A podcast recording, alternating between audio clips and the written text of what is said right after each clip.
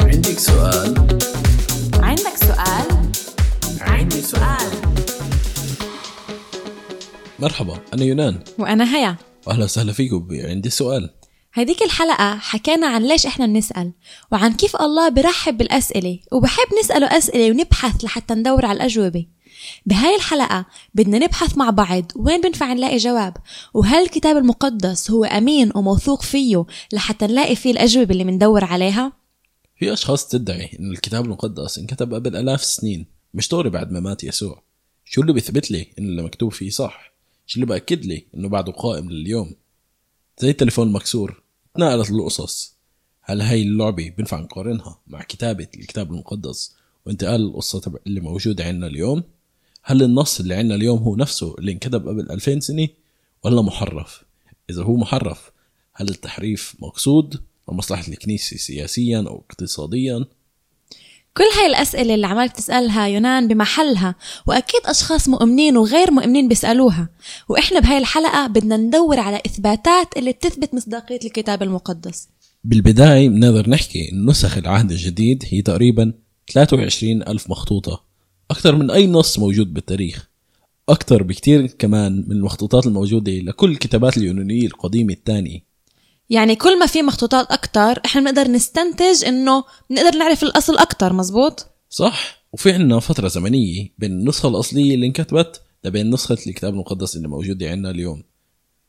كل ما كانت الفترة الزمنية أقل وأقصر كل ما كانت مصداقية النسخة اللي بين إيدينا أكتر مثلا على فكرة إذا بدنا نحكي على بيلينيوس الكبير هذا هو واحد من أشهر المؤرخين الرومانية. بنشوف إنه الفرق بين رسالته الأصلية وبين الرسالة اللي عنا إياها بين إيدينا اليوم هي 700 سنة. أو مثلا الفيلسوف بلوتارك في عنا فرق 800 سنة بين رسالته الأصلية اللي كتبها لبين إيش في بالكتاب اللي إسا بين إيدينا اليوم. وكتير مؤلفين وفلاسفة أخرى مثلا هيروتوثوس اللي هو ملقب بأبو التاريخ النسخة اللي هو كتبها أو النسخة الأصلية يعني المخطوطة اللي هو كتبها كتبت بعدها ب 1800 سنة النسخة اللي بين إيدينا اليوم. وما حداش بالأكاديميا أو ما حداش ب... بدرسوا التاريخ هذا بالشك بمصداقية هاي الكتابات.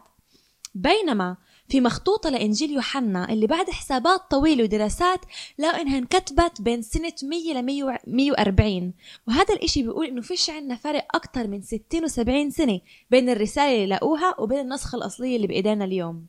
يعني في نسخ للكتاب المقدس أكتر بكتير من أي نسخ من كل الكتابات اليونانية. وكمان الفترة اللي انكتبت فيها الفرق بينها بينها والمخطوطة اللي عندنا اليوم هي فترة كتير قصيرة. كمان إشي إنه الكتاب المقدس أو المخطوطات لقوها بعدة لغات ومحلات كتيرة. فاللي بيدعوا إن الكتاب المقدس اللي بين إيدينا اليوم محرف كيف ممكن تحرف كل هاي الكمية من المخطوطات كل هاي اللغات واللي موجودة بكتير كتير محلات؟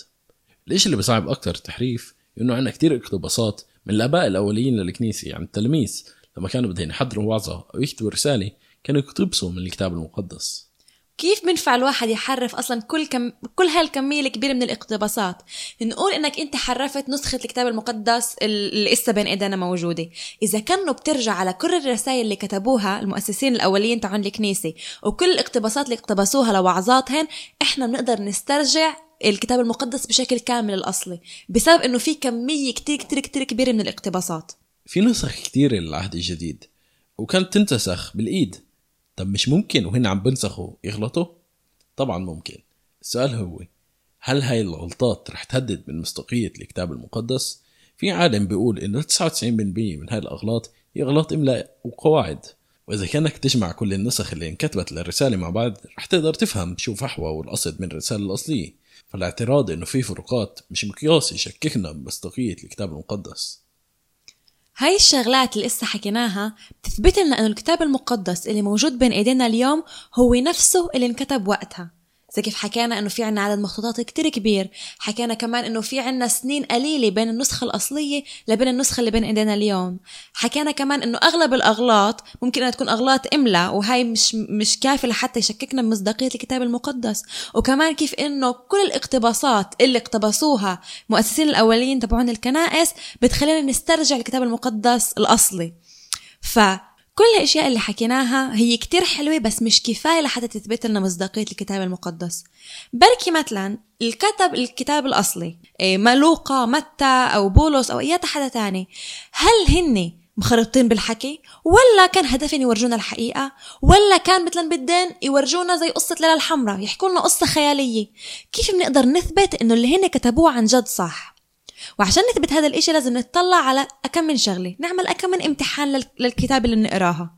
أول إشي امتحان جغرافي. الامتحان الجغرافي عمليا بثبت لنا إن كتاب الكتاب المقدس كانوا فعلا موجودين بهذيك المنطقة. لأنه وقتها ما كانش في مثلا جوجل مابس زي زي اليوم. ما كانش في طريقة إنك تعرف أسماء المدن غير إذا كأنك كنت عن جد موجود غاد وتعرف أسماء الطرق اللي مرقوها غير إذا كأنك كنت غاد موجود. وفي كتير أسفار اللي كنيسة رفضتهن رفضت إنها تضيف إن الكتاب المقدس بسبب الخطأ الجغرافي الموجود فيهن اللي بخليك تشك بصحة الكلام الموجود فيهن. مثلا إذا نيجي على إنجيل لوقا كان كان لوقا يعطي كمان أدلة جغرافية كمان يعطينا وقت وسنين وكمان كان يعطينا مين كان حاكم في كل سنة وعن أي منطقة عم بحكي. ومن ناحية تاريخية كل اللي كتبهن هن عن جد صح.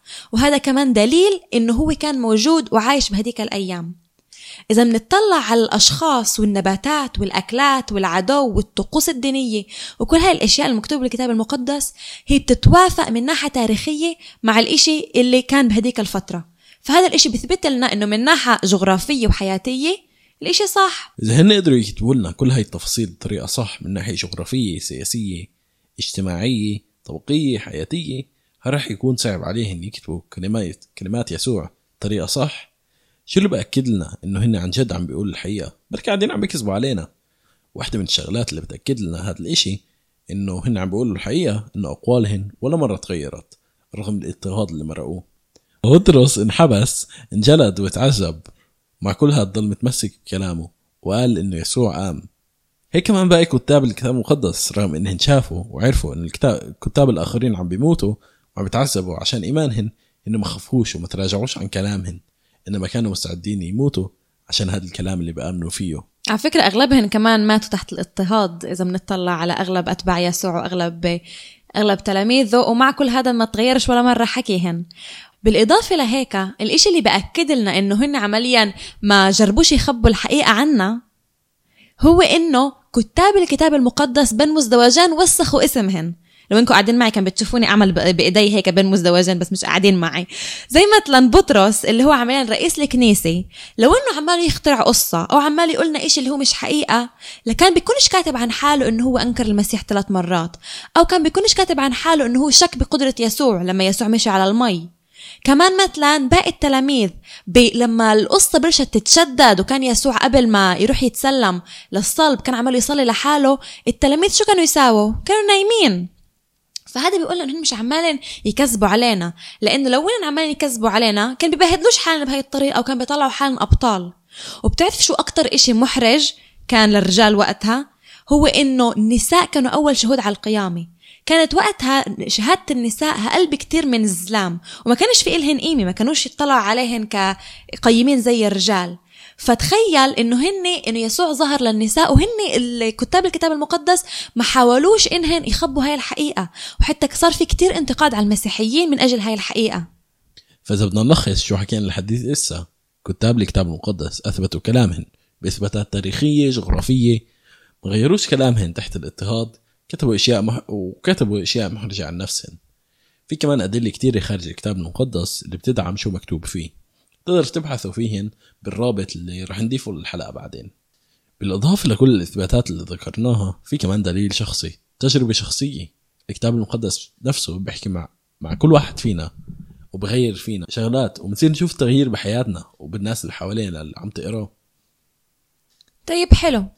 فهمنا إحنا إنه المكتوب بالكتاب المقدس صح وبنقدر نتكل عليه. بس كيف بنتأكد إنه اللي حكاه يسوع هو صح؟ كيف بنتاكد انه يسوع هو الله؟ ليه مثلا هو مش شخص كذاب أو مش شخص مجنون. وشو مع قصة غسيل الدماغ؟ بركي فعلا اللي حكوه التلاميذ هو صح وشافوه وسمعوه عن جد وكانوا حتى مستعدين إنهم يموتوا عشانه. بس شو اللي بأكد لنا إنه يسوع هو الله؟ وهو مش الشخص اللي هو كتير ذكي وعبقري اللي عملن غسيل دماغ وخلاهن يآمنوا بهاي الأفكار. تعرفوا سي إس لويس بيقول إنه بتقدر تشوف يسوع بثلاث طرق. أو إنه هو شخص مجنون أو إنه هو شخص كذاب أو هو الله. في أشخاص ادعوا هو شخص مجنون بس شخص مجنون ما عندوش القدرة إنه يشفي الناس. يقوم أشخاص من الموت يطرد شياطين. شخص مجنون بفكرش بنفس الطريقة اللي يسوع كان يفكر فيها. بتكلمش بنفس الكلمات اللي يسوع كان يحكيها وبتصرفش كيف يسوع كان يتصرف. الأشخاص المجانين وصفهنش كأشخاص طيبين رحومين غفورين. وفي ناس بتقول أو بتشوف يسوع بأنه هو كذاب. بس هل يسوع كذاب؟ الكذابين كمان مش أشخاص من الموت بشفوش شخص كذاب أو شخص هدفه أنه يعمل غسيل دماغ المحفز تبعه شرير فبالتالي مش رح يجيب إشياء على قد منيحة للعالم. كل تعليم يسوع وأعماله كانوا عن الشفاء والمحبة. وشخص مجنون أو كذاب مش رح يعمل هذا الإشي.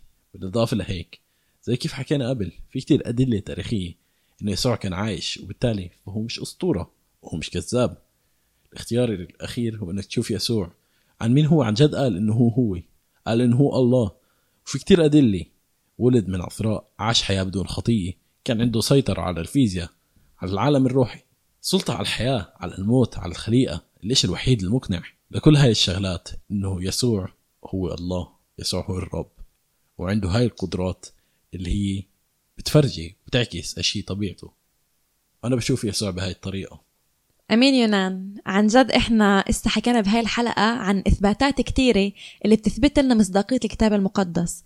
قسم منن هو عدد المخطوطات الكبير الفترة الزمنية القصيرة بين المخطوطة الأولية والمخطوطة اللي بين إيدينا اليوم. إيه إنه التلاميذ ما كانوش يغيروا أفكارا تحت الاضطهاد. إنه هن كمان زي كأن بهدلوا حي... بهدلوا حالهن بالحكي. وكتير شغلات تنايا كمان اللي منفعش نلخصها كلياتها بحلقة هالقد قصيرة لأنه موضوع بنفع ينحكى عليه أيام. ف إحنا طبعا نخلي لكم المصادر اللي اتكلنا عليهن بهاي الحلقة بالإنستغرام تبعنا اللي بتقدروا تفحصوه على ات I have a question. شاطرة ثانية بود آه وبتقدروا كمان دايما بذكركم إنكم ترجعوا على الحلقات تبعونا ب Spotify ب Apple Podcast وب SoundCloud إيه فآه شكرا لانكم ضلتكم ضلتكم معنا لهون. ونشوفكم بالحلقة الجاي. bye. عندك سؤال؟ عندك سؤال؟ عندي سؤال.